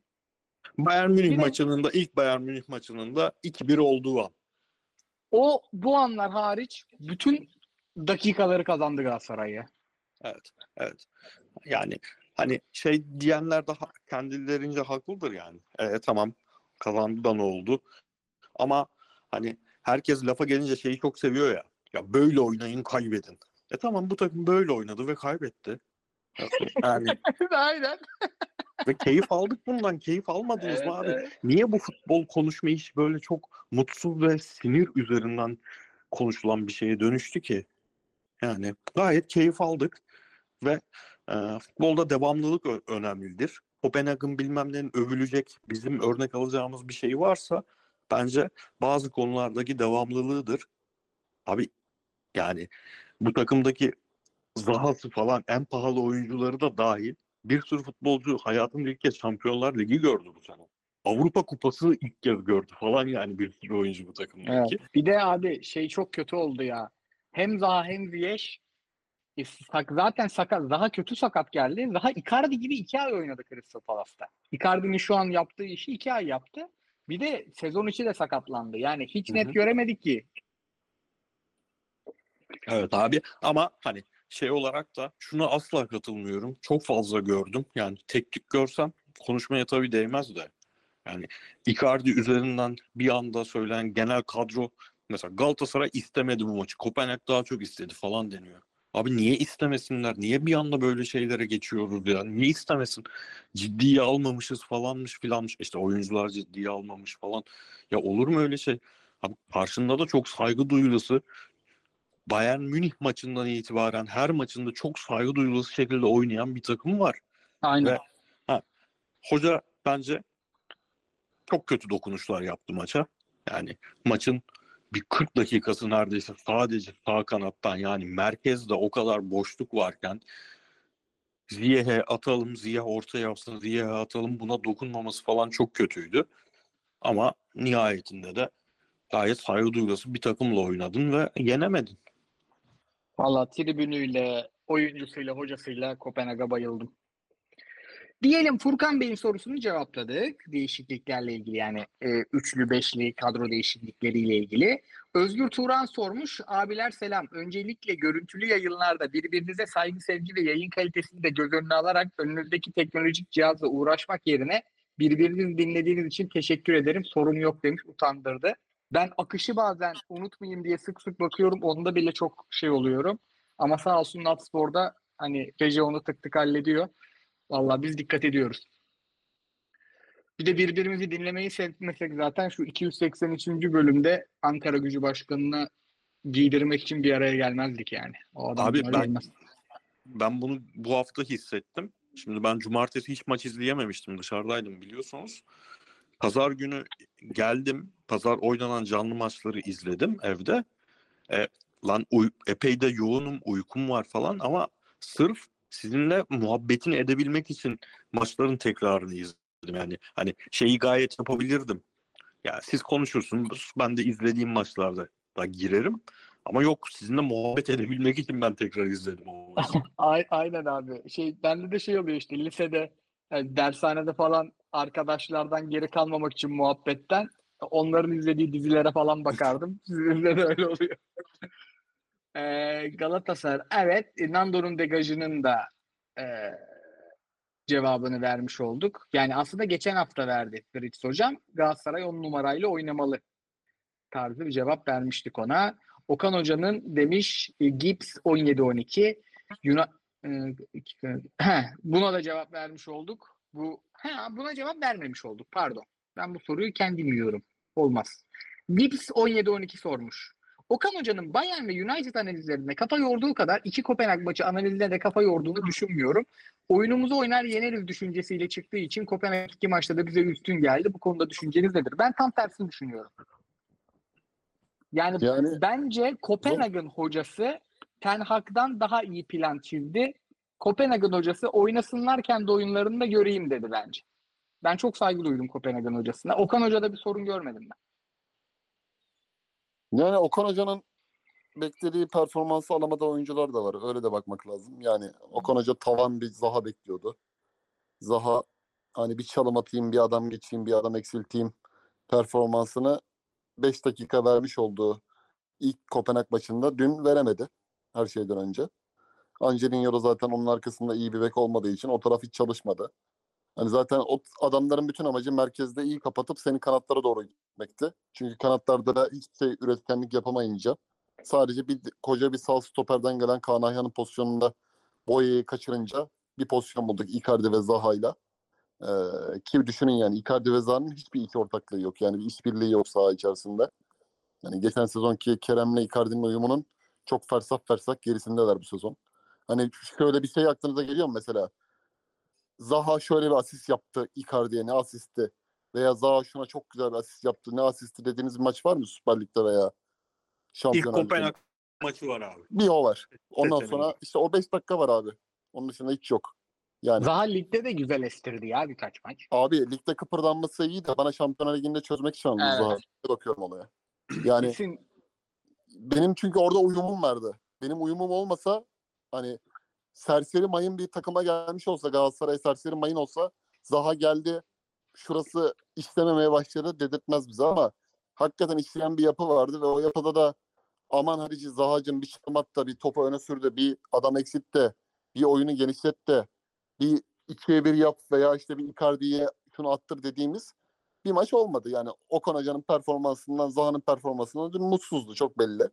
Ee, tabii bu mutsuzluk TT'den de verim al- alınamayınca Galatasaray'ın iki kanadı da kırıldı. E şimdi Kerem Aktürkoğlu her ne kadar pres gücü olsa da merkez hiç oynamadığı bir pozisyonda 10 numarada oynatılsa da yani e, orayı oynamaya çalışsa da kendisinin de atletik röportajı var zaten bu hafta aynı konuda. Elimden geleni yapmaya çalışıyorum diyerek. E, şimdi böyle bir rakibe oynarken böyle bir rakip de topun arkasında 4-5-1 hatta zaman zaman Claeson'da Torreira'ya basıyor. 4-6-0 gibi duruyorsa ve 5-5 sahayı ikiye bölüyorsa yani bu oyunculardan da verim alamıyorsan yetenek ve e, beceri açısından e, onların zaten istediği şekilde gitti maç. Ve golü de attıktan sonra iyice oyun onların istediği şekilde döndü. İyice geriye çekilip kontra kovaladılar, geçiş kovaladılar. E, biraz hareketlendiren oyunu Bakan buydu. Biraz Bakan bunun kıpırdanması. Icardi'yi de e, Kerem'le beraber denkleme sokması pozisyon buldurdu Galatasaray ama ben burada şöyle düşünüyorum artık. Yani bugün 24 saat geçti üzerinden neredeyse sakin kafaya. Galatasaray evet Kopenhag'a daha düşük bütçeli bir takıma turu verdi. Ama cebine biraz burada tecrübe koydu. Ve her şeyden önemlisi eee Manchester United'ı altına aldı. Buradaki galiptir bu yolda mağlup kazanımı bence budur bu maçta. Yani çünkü bize asıl üzen Manchester United'ın olduğu bir grupta eee Süper Bayern Münih maçından sonra Kopenhag'a karşı böyle bir oyun or- ortaya koymaktı. Çünkü Bayern Münih maçları bayağı eli büyüttü. Şimdi biraz insanlarda da şey var yani hani Bayern Münih maçındaki oyun sonrası biz bu gruptan çıkarız hissinin yerle yeksan olmasının vermiş olduğu üzüntü var esasen. Avrupa Ligi'ne kalmış olmanın üzüntüsü değil de o. Biraz onun vermiş olduğu bir üzüntü var. Çünkü çok görkemli bir oyundu abi oyun. Abi- Ee, o biraz bizi şey yaptı yani üzdü. Maç hazırlığı konusunda Bayern Münih maçları da hocayı biraz bozdu diye düşünüyorum. Çünkü, çünkü hem son United maçı hem Kopenhag maçı kötüydü. Yani kötüydü abi. Değişiklikler özellikle hele dün e, o Torreira'nın çıkışı falan yani Kopenhag'da oyuna giren oyuncu Cornelius değil de 28 yaşındaki Dam Endoy olsaydı dün maç bir de 5-0'a falan giderdi yani. Arazi vardı arkada. Cornelius koşamadığı için o toplara atmayı bile düşünmediler. O pasları vermediler. Yani hocayı bozdu biraz Bayern maçları gibi geliyor bana. Abi bana da hoca oyun okuma konusunda çok büyük sınıfta kaldı gibi geliyor. Yani bir tane bir buçuk yıllık Galatasaray kariyerinde ilk defa bu kadar bir eee kroşe yedi yani. Midesine yedi. Çünkü Tete ikinci yarıya başlamaz abi. Dünyanın hiçbir yerinde Tete gibi bir performans veren, kanat performansında zayıf kalan veya Zaha bu kadar uzun süre sahada kalamaz abi. Hadi Icardi olayını anlıyorum. Icardi'ye dokunmak istemiyor. Her an bir şey yapar. Bir penaltı atar bana maç getir istiyor. Bunu anlayabilirim. Ama sen Icardi'yi tolere, sahada tolere edecek şekilde bir yapı kuramıyorsan yani kuramaman sebebinde zaten gözünün önünde ya yani Zaha'nın döküldüğü gözünün önünde. Pepe'nin döküldüğü gözünün önünde. E şimdi Mertens'i alsan Kerem'i Zaha'nın yerine koyup da bir şoklama yapabilirsin. Hadi Ziye 11 çıkamadı. Adana Demir maçında da yoktu. Bir yarım saat oynayabilir. Barış Alper oynayabilir. Yani hiçbir şeyi gerekli aksiyon alamadıktan sonra ahva etmeye gerek yok. Yani Nesturup dersine daha iyi çalışmış, ödevine daha iyi çalışmış deyip geçeriz. Ama hoca değişiklikler konusunda bilemiyorum. Bak kesinlikle Marius Wolf, duran top uzmanı işte Duran Duran hoca mıydı geçen sezon? Bu ikisinin ayrılığına yormayacağım. Hani alameti farikası bunlardaymış demiyorum. Bu başka bir konu. Ama bugün Twitter'da da çok gördüm işte Wolf niye gitti, Duran Sorgun Hoca niye gitti falan diye şeyler. Konu bence o değil. Okan Hoca neden kafasındaki uygulamaya koyacağı değişiklikleri geçen sezon Icardi'yi yedek oturtup da Barış Alper'i santrafor başlatan o cesaret ve yüreklilik örneğini gösteren, bütün basının şimşeklerin üzerine çekeceğini, taraftarın şimşeklerin üzerine çekeceğini bilen Okan Hoca neden bu maçta, bu sezon özellikle bazı maçlarda bu kadar edilgen kalıyor ben anlayamıyorum bunu. Ben Barış Alper'in o maç e, sol beki girmesini anlamadım ya. Önde çok ihtiyacımız vardı. O dayağı yerken. Olur olur olur. Aynen abi. Hepsi süreç. Diyelim devam edelim. İlk defa soru soruyorum demiş Soner Bey. Kıyıcı Hoca'nın 2023 Top 5 filmi ve dizisi. Yalnız ilk soru için de kallavi soru Soner Hocam. Kıyıcı Hoca mikrofonu kapadı mesela şu an. Mikrofonu kapalı bu adamın. Abi şey tost çeneli yakacağım da çakmak sesi gelmesin Sergen Yalçın diye. Şey Gibi. Abi söyledin zaten. Ses gelmesine gerek mi kaldı? ya podcast ya podcast Dinle, de tütün, tü- tütün göründü diye rütük kapatacak podcast ya. Abi dinleyiciye saygı ya. Allah razı olsun. Abi şey e, karışık söyleyeyim yerli yabancı. The Last of Us güzeldir. E, Sen onun oyununu da oyna PlayStation'dan. oynayacağım. Oynayacağım abi aklımda. İndireceğim abi. Bu ara hiç fırsat olmadı oynayamadık oyun oyun da. Ona da bir bakacağım. Magarsus güzeldir. Seversiniz yani. E, onun dışında Son Gün diye bir dizi vardı. Tabii platformunda. Güzeldi beğendim. Ne platformunda abi?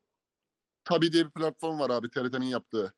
Ha tamam. Eski diziler falan da var. Bayağı güzel orası. Son gün şey oynuyor. Ee, Ahmet Mümtaz Taylan, Uğur Yücel falan oynuyor. Güzeldir. Ee, Güney Kore dizisi vardı Revenant. O da güzeldir. Biraz gizemli bir dizi. Terzi var. Bu sezonun iyi işlerinden. O da güzel. Tavsiye edebileceğim. Ee, onun dışında ne izledik dizilerden? Zaten Beckham belgeselini falan biliyorsanız o da belgesellerin içerisine girebilir. Ee, Onun dışında da abi çok da böyle müthiş dediğim şu şu iyidir diye düşündüğüm çok da yok ya. Fubar var bir ama o da vasat kalır ya. Çok şey değil. Ama zaten yılbaşına kadar izleyecek şey çıktı. Ben yazdım ufak ufak. Yani biraz işte Arnold Schwarzenegger'e gelen dizisi de biraz böyle şey yani mizah mizah tarafı güçlü. Monica Barbaro falan oynuyor. Mizah tarafı güçlü bir dizi ama şey eee, yemek yerken gider abi öyle söyleyeyim. Bu son söylediğim. Zaza mı sinirli sormuş abilerim. Yemek yerken gidecek daha güzel bir şey söyleyeyim. Tottiler, Messi'ler Avrupa. Aman Bir Allah'ım. şey diyeyim mi? Bir şey diyeyim mi? Kilo aldım bu program yüzünden yine. Maalesef öğle, öğlen yemek yok normalde bana. Hayvan gibi yiyorum tottiler mesiler yüzünden. Kimse kusura bakmasın. Abilerim selamları iyi kayıtlar demiş Zazama sinirli. Dün maçkolik yayınında Koray Hoca Galatasaray'ın eksik bölgelerinde ihtiyacı atetsin dedi. Akıllı adam yapıyor bu işleri o da. Özellikle 8 numarada. Peki bu transferde bu eksik için gidilmesi muhtemel isimlerden kimler sizce? Bence hazır kadro dışıyken 4.1 milyon euroya Canan'a da iyi iş olur. Abi 4 milyon 4.1'e almam ya. 4.2'ye güzel iş olur da. Aynen abi. 4.1'e bırakmaz Beşiktaş. Bu kadar değerli bir oyuncusun. Ben Abi yani para yetmez diye düşünüyorum. O da gelmez diye düşünüyorum ama ben iki aydır yatağa kafama koydum mu bir Mario Lemine hayali kuruyorum. vallahi billahi ya. Forması alınır. Ki almışsındır muhtemelen vardır eski dönemden. Bakacağım. Yine Galatasaray yenildi ya formayı değiştirdim. Yine arkasında Koray yazan bir forma çıktı. Kura'da. Bakacağım. Rehabilite sormuş Kerem Demirbay Galatasaray'ın geçici olarak bu dönemde sol bek sorununu çözebilir mi? Sadece ligde. Çünkü geçen stoper oynadığı maçta hiç sırıtmamıştı diye sormuş. Çözemez sanki ya. Yani. Çö- Çözemez gibi geliyor bana da. Tobias'tan büyük bir transfer sorusu gelmiş. Bunu çalışalım. Zaha Icardi, Tete, Oliveira, Ziyech yollamış. Yerine kimleri alırsın diye sormuş. Şimdi gelmez o adamlar dedi. Ben Zaha'yı yollamam bu arada. Ben de yoll Ben buradaki ben Ziyech'i de yollamam. Oliveira dışında kimseyi yollamam. Tete'yi de yollamam. Millet Tete'yi de gereksiz gömüyor ama Tete dün hak etti. Ben Zaha'dan sezon sonu çıkarım abi şampiyon yaptıktan sonra. Güzel bir bonservisle satarım Zaha'yı.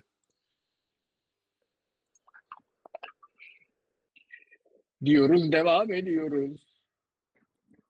Üç tane Azgın kitabımız sonu- önemli. Kur'an-ı Kerim, Nutuk, Suç ve Ceza. İnanılmaz bir tweet bu ya. Kim diyor onu? Mustafa Sarıgül. Allah'ım ya. O suç ve ceza geldiği an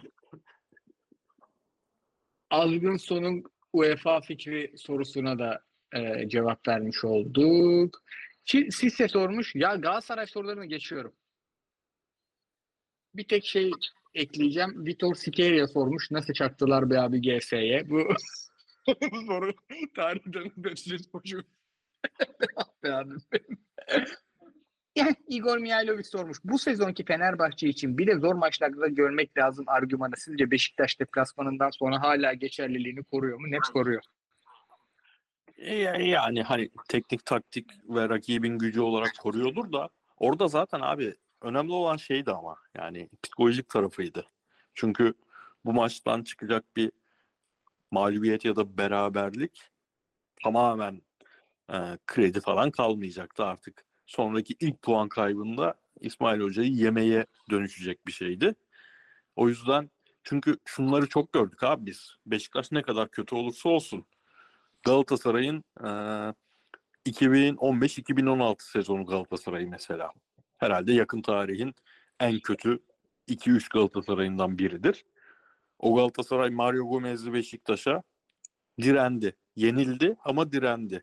Aynı e, Beşiktaş'ın yarıştığı Fenerbahçe'ye, Van Persie'li Fenerbahçe'ye direndi. Puan aldı.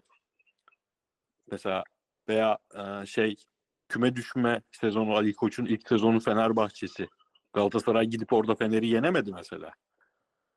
O yüzden Beşiktaş ne kadar kötü olursa olsun gelip o statta bir de öyle yani gerçekten e, eze eze yenmek tabii ki psikolojik anlamda en azından o şeyleri dağıtır. Yani hocanın krediye krediye biraz ekler. Katılıyorum ama şeyde de Beşiktaş'ın da maalesef yani yeterli bir test olacağından emin değilim hala. Yok saha içinde öyle abi. Teknik taktik olarak öyle de işte. Bir hakem sorusu daha gelmiş. Anıl Bey'den.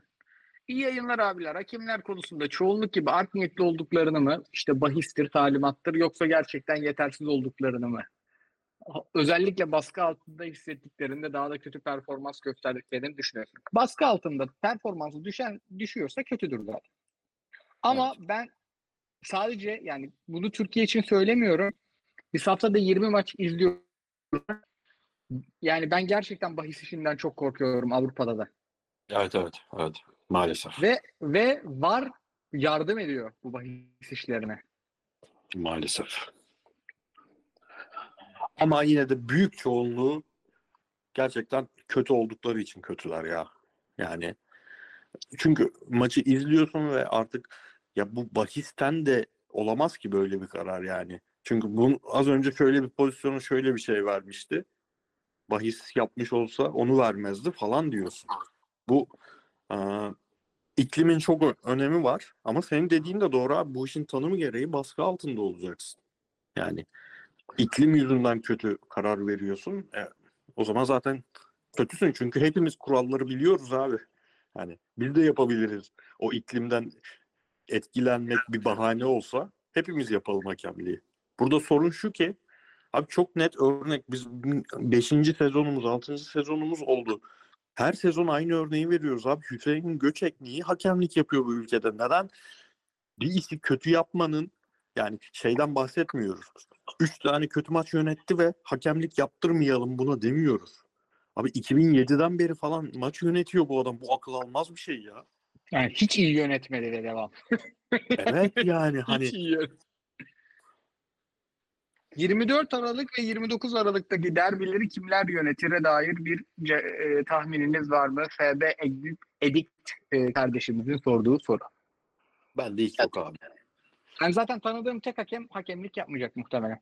Bir de Zorbay Küçük'ü tanıyorum ona yönettirmezler.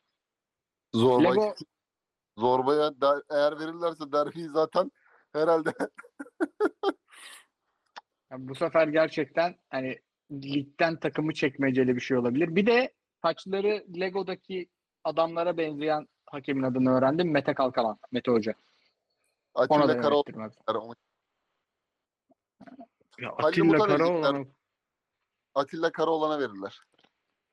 Anladım.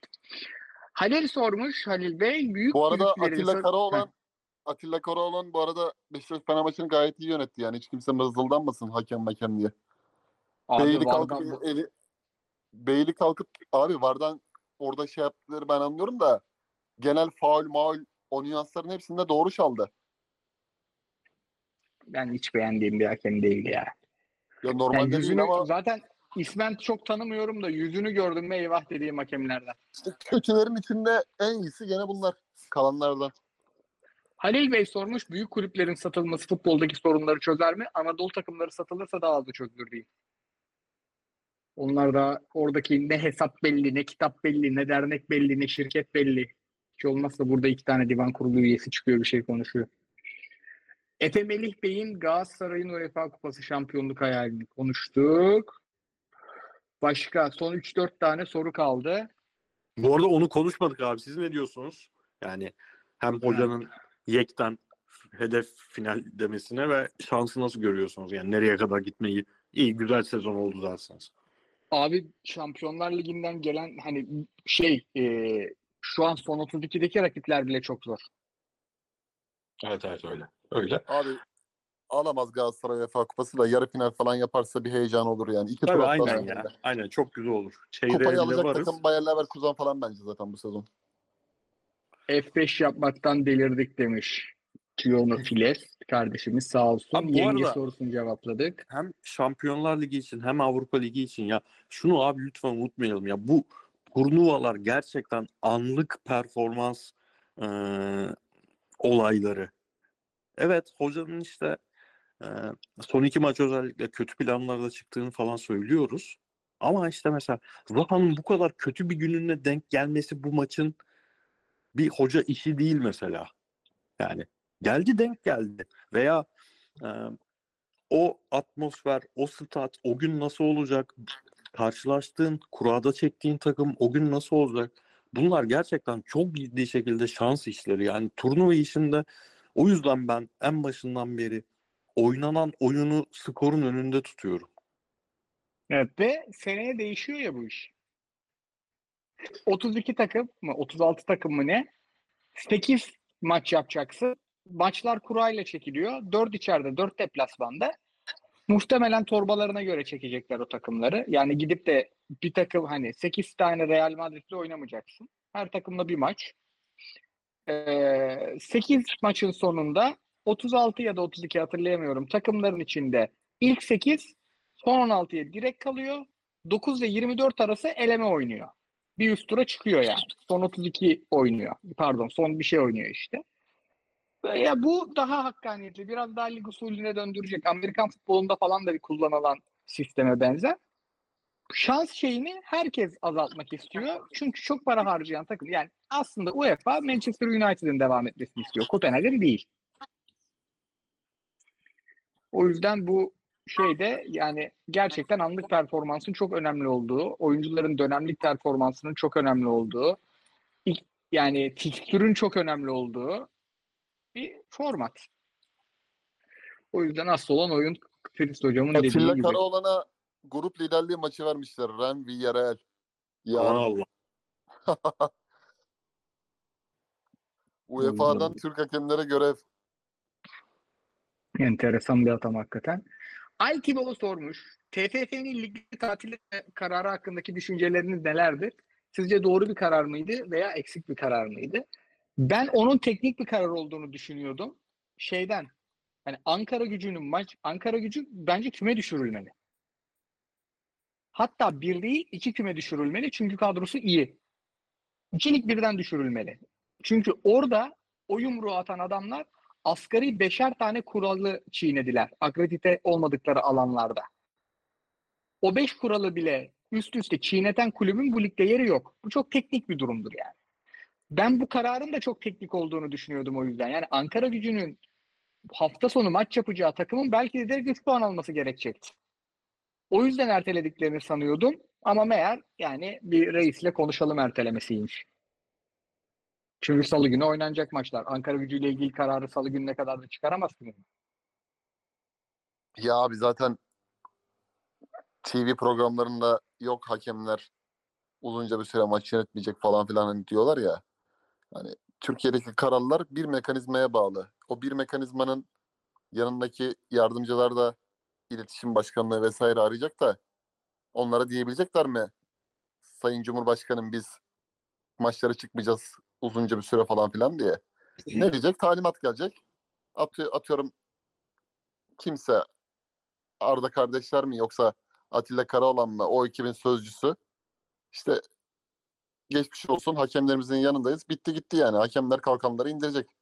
Hani Türkiye'de futbol ileri süre, tarihe kadar ertelendi diye bir karar ondan sonra çıkıp da federasyon başkanının karikatür şeklinde yeter falan diye böyle şovlar. Bunlar hiç gerek yok yani. Ben Yayın olacağını- valla ben izlemiyordum. İçeride e, Özgür benden erken uyuyor işte. Ertesi gün erken kalkıyor, fabrikaya gidiyor.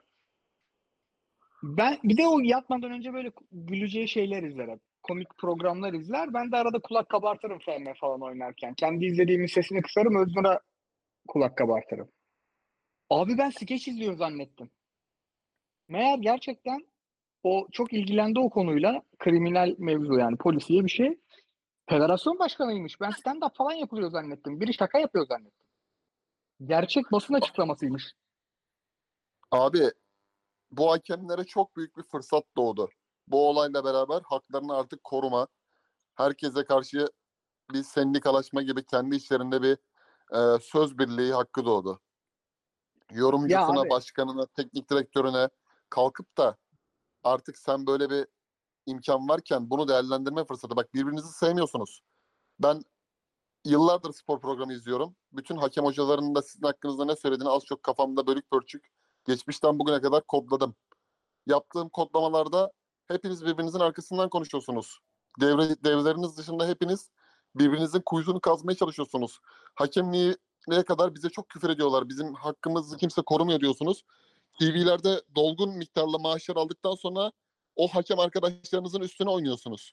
Şimdi böyle bir yapıda bugün yumruk yersiniz, yarın Allah korusun birinizin başına başka bir iş gelir. Birinizin ayağı yere takılır. Biriniz koridorda gene tokat yer. Bunlar olur. Buradan söz birliği edin. Bunu yaparken de çalışın yani mesleğinizin hakkını verin. Çok güzel paralar kazanıyorsunuz. Eski hakemler para mara kazanmıyor. Bal liginde falan git hakemler 300-500 lira para alıyor ya. Bir de o kadar küfür yiyorlar bir de can güvenlikleri yok. Bunlar Türkiye'de Süper Lig'de maç yönetiyor. Ama ne bir maça nasıl yani maçın akmasını sağlayabiliyorlar. Ne topun oyunda kaldığı süreyi ligin kalitesi yayıncı kuruluş için artsın diye uygulayabiliyorlar. İzleyen için önemli, izleyen seyri için uygulayabiliyorlar. Kendilerini ezdiriyorlar. E zaten bunların babaları daha önceki yapan hakemler çoğu hepsi emekli oldu. Onlar da asker kökenliydi. En azından biraz askeri disiplin vardı. 80'lerin döneminden gelen hakemler, o Sadık Dedeların döneminden, Cem Dedeoğlu hakemlik yapıyordu falan. Hani bu camianın biraz böyle artık bu olaydan bir milat kendine milat çıkartması lazım. Ben onlar için söylerim. Yoksa yine aynı şeyler olacak. En fazla bir ay, iki ay sonra yine Erden Timur bir şey söyleyecek. Ali Koç bir şey söyleyecek. Hasan Arat'ın yöneticisi bir şey söyleyecek. Ertuğrul Doğan'ın yöneticisi bir şey söyleyecek. Abdullah Avcı bir şey söyleyecek. Bir şey söyleyecekler yani gene. Şu Ben bir ayda iki ayda bir birlik dirlik kurun yani aranızda. Net katılıyorum. Yöneticilerin de çok şey yapmaması gerektiğini düşünüyorum ya. Ali Bey, Dursun Bey, Hasan Arat'ın çok payı yoktur da Beşiktaşlı yöneticiler.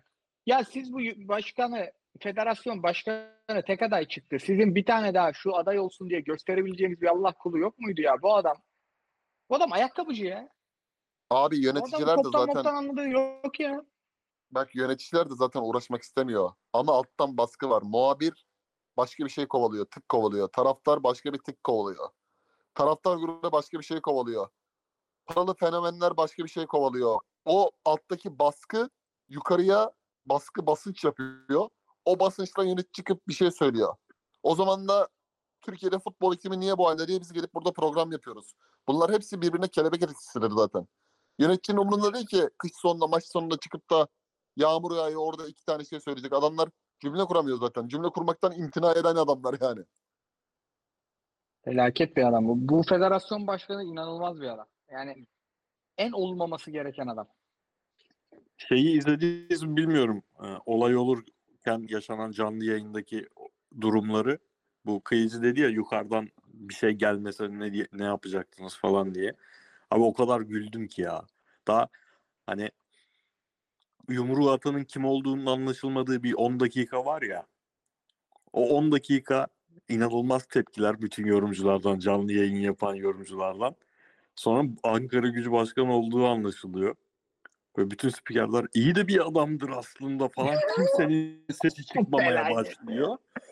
Bir 20 Ya- dakika öyle gidiyor. 20 dakikanın sonunda Cumhurbaşkanının tweet'i düşüyor. Ondan sonra bir anda milat olmalı, en ağır ceza verilsin falan. Ya abi garibanın garibana ettiğini kimse kimseye etmiyor ben sana söyleyeyim bak. Yani, O o bir tane şey zannettiler vuran. Çapulcu bir tane taraftar zannettiler. Herkes Tabii. beline beline vuruyordu. Ama yukarıdan birkaç tanıdığı olan bir adam çıkınca aman Allah oldu herkes. Bak herkes çok da iyi kıpkırmızı oldu. adamdır. Aynen. Çok da iyi adamdır kesin. Ben Hikmet Karaman'a da kızdım mesela. Ha evet. Bugünü mü bekledin hoca? Yani Yani ne eksikti de mesela Ankara gücünde çalıştığında bu adam 45-50 yaşındadır.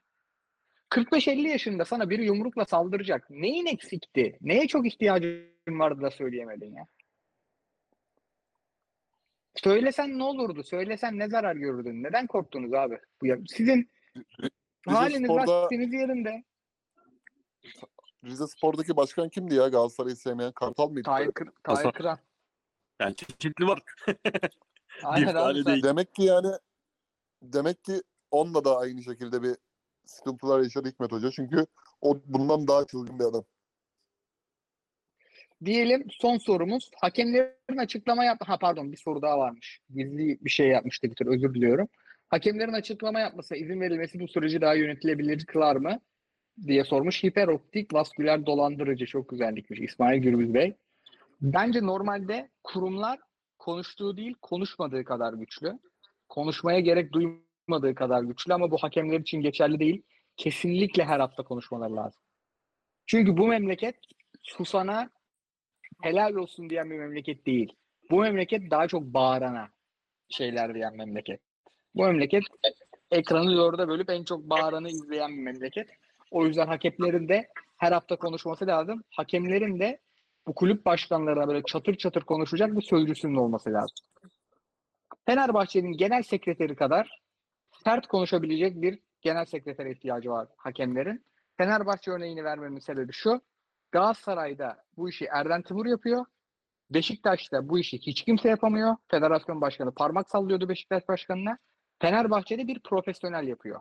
O yüzden Fenerbahçe örneği verdim. Galatasaraylı olduğumdan değil. Profesyonelin yaptığı bildiğim Ama Burak da. Evet Burak Bey.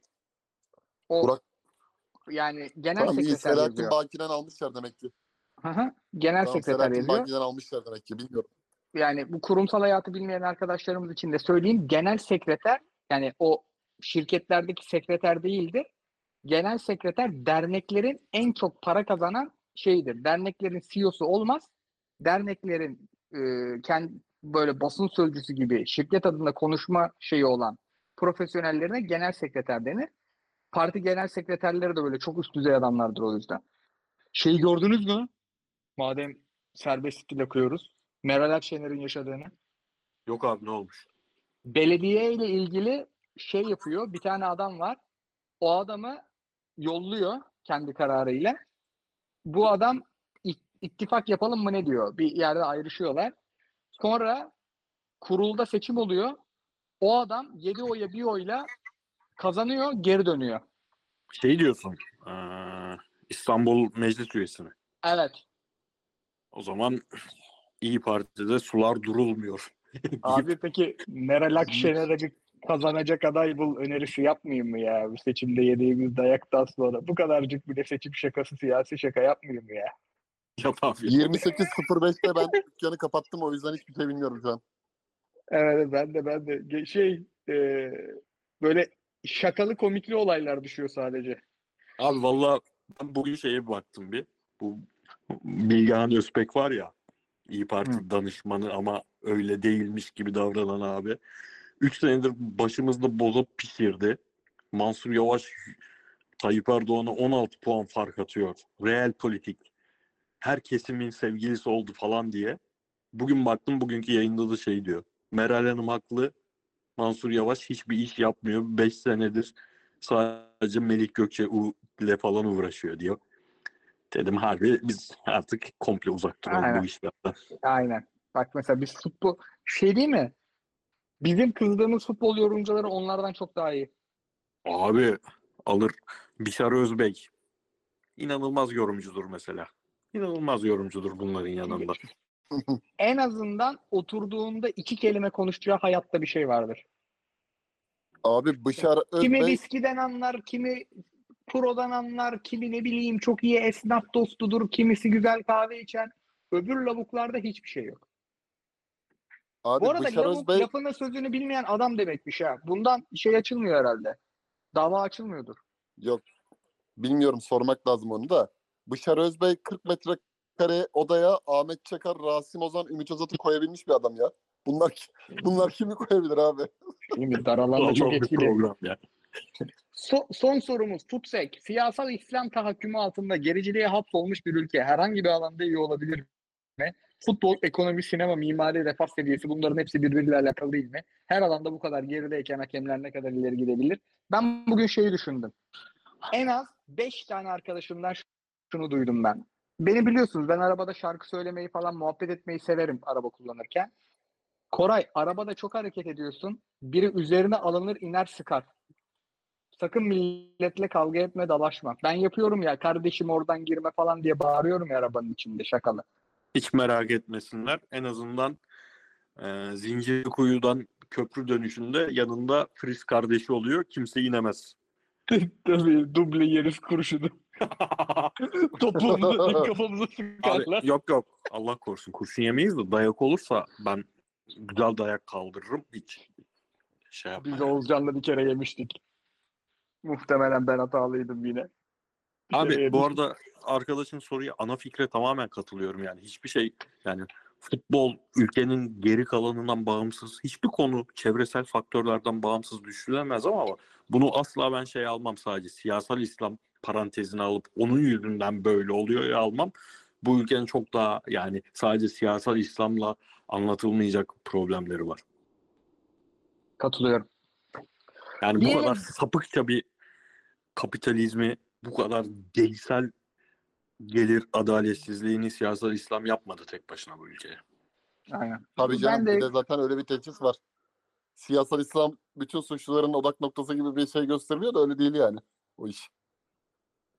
Mesela Onun yanlış anlaşılmasın siyasal İslamcı da değiliz. Bunu da söyleme gereği duyuyoruz. Yanlış o söylenen yanlış Zaten bu anlaşılma. programı dinleyen adam bu programı dinleyen adam onu çok net biçimde ay- ayrıştırabilir artık da. Hele ki Abi yok belli olmuyor. Vallahi belli olmuyor ya. Yani öğle namazı kaç Ama- soket diyen adamlarız ya beyler. Ama- genel olarak e, ahlak erozyonunun hiçbir şekilde insani bir durum olduğunu çok net belirtebiliriz ve bu şiddetle tırmanıyor yani. Bunu tırmanı bu tırmanışın da önünü kesmek çok zor yani. Her şey ranta dönmüş durumda. İnsanlar hayatlarında gerçekten çok mutsuz. Sabahleyin ben toplu taşıma kullanan biriyim mesela. İşe giderken metro, yayınlara gelirken işte metrobüs, zaman zaman taksi, zaman zaman dolmuş. Hepsini de çok aktif şekilde kullanıyorum. Gülen adam yok yani. Adam ay sonunu nasıl getiririm, nasıl bir stresimi nasıl kaldırabilirim? Her ay bu maratona giriyor. Maaşı aldığında kredi kartına borçlanmış. Çocuğun okul taksitleri, çocuğu özel okula göndermek istiyor. iyi bir eğitim aldırmak istiyor. Okullar 55 bin liradan 200 bin liraya çıkmış senelik. Ee, bir tatile kredi kartına borçlanıyor. 40 bin lira, 50 bin lira tatil masrafı çıkıyor. Bunu 12 aya yaymak istiyor. Ayda 4 bin lira para ödüyor. O adam sinir stresini futboldan atıyor. Sinirini stresini küfrederek atıyor. Sinir stresini Koraylarla trafikte gördüğü zaman atıyorum saldırmak isteyerek atıyor. El kol bana mı baktığının atıyor. Yani böyle bir iklim. Bunun ne siyasal İslam'ı ne seküleri ne şeyi var. Bu noktaya ülkenin dinamikleriyle oynanmış gençlerin umudu yok. Gençler, doktorlar işte eee, hepsi bütün eğitim birimlerindeki eğitimini almış insanlar bu ülkeden nasıl yırtarımı düşünüyor. Biz de çok slogan atıyorduk 20'li 25'li yaşlarımızda. Bu ülkeden nasıl kaçarım, nasıl giderimcilere karşı. Eee, hayır kardeşim bu ülkede kalacağız, bu topraklar bizim. Öz ve öz milliyetçi duygularla burada kalacağız diye söylüyorduk ama şimdi ben gitmek isteyen insanlara o kadar kızmıyorum yani. Çünkü 20 yaşında, 25 yaşında bir annenin oğlu, bir annenin kız çocuğu başına ne geleceği evden çıktıktan sonra belli değil sokakta. Kör kurşuna mı gelecek? Bir tane sapık atıyorum cezaevinden af almış çıkmış. Arabamı çarpacak. Önümü kesecek. Gaspa mı uğrayacak? Böyle bir ortamda, böyle bir toplumda insanların ne güveni kalıyor, ne huzuru kalıyor. Bütün bunlar birbirleriyle, iltisaklı, ilişkili olduğu için e, hakikaten hakikaten mesela ben de çok kavgacı bir insan değilim. Ama kavga ettiğim zaman mesela hakkını elimden geldikçe gücüm yettiğince veririm. Bu hem sözlü sataşma hem fiziksel sataşma. Çünkü niye? Ticaret yaptığımız yer, ticaret yaptığımız in- insanlarla ilişki belli bir yerde sözlü münakaşayla başka bir noktaya da dönebiliyor gün içerisinde. Ama şimdi mesela bir şey olduğu zaman eskiden bir kavga olduğu zaman ben üstümde hiçbir şey yokken gidip de aralarına girip ayırmaya gidiyordum mesela. Şakasına mesela elimi arkaya atıp da beyler hop polis diye şey yapmışlığım bile var yani 20'li yaşlarda. Hani iki grup kavga ediyor arasına girip de hop hop hop polis diye arasına girip de elimi havaya kaldırmışlığım da var. Şimdi gider miyim abi? Yaş Bence- 40'a dayandı. Abi o zaman da gitmemen lazımmış zaten. Hayır hayır. O zamanki toplumda böyle bir şey yoktu abi. Şimdi trafikte de manyak var. Tabii canım onun- aynen. Bu Yani arada trafikte- Joelinton inanılmaz bir gol attı. Tra- trafikte manyak var. Yolda manyak var. Her yerde manyak var. Adres vericiler var. E Şimdi biraz da böyle böyle bir ortamda artık yönünü değiştirme değiştiren insanları da anlıyorum. Kendim de böyle beladan artık kaçmaya çalışıyorum yani özellikle. Bu çok normal yani abi. Evet katılıyorum. Diyelim abiler bir saati geçmeyelim dediniz. Bakıyorum 1 saat 26 dakika. Yine 90 dakikayı bulmuşuz. Ben zaten bunu atmam biraz daha uzun sürebilir. Ee, Bilgisayarı falan içeri taşıyacağım. Ee, Bir de birkaç ufak tefek kesmem gereken benim söylediğim şey var. Ee, Var mı eklemek istediğiniz bir şey? Abi Yani yani, çok- yayının Çok başında bir yayın değil herhalde. Ya, Yo, kıyıcı zaten. 11'de bitirelim deyince ben abi emin misin diye boşuna demedim. Yani Ya fazla, fazla 11.37. uzadı. İşte bu Hallemut Meler yüzünden uzadı ya. Hiç de uzamazdı. Şey Newcastle maçı bitti. Dortmund Paris'e döndüm ben bu arada. Oradan devam edeceğim podcast editlerken. Abiler ağzınıza sağlık. Eyvallah. Bugün böyle biraz değişik bir format yaptık. Bugün futbol konuşmamız için önce konuşmamız gerekenleri konuştuk. Yani bugün de şey diyemezdik yani. Rıza Hoca böyle mi oynatılır bu takım diyemezdik. İçimizden bu geldi bunu yaptık. Dinleyen herkese çok teşekkürler. Abiler ağzınıza sağlık. Podcast 12.30 gibi yayında olur. eyvallah görüşürüz abi. Eyvallah görüşürüz. Görüşmek üzere. Hoşçakalın.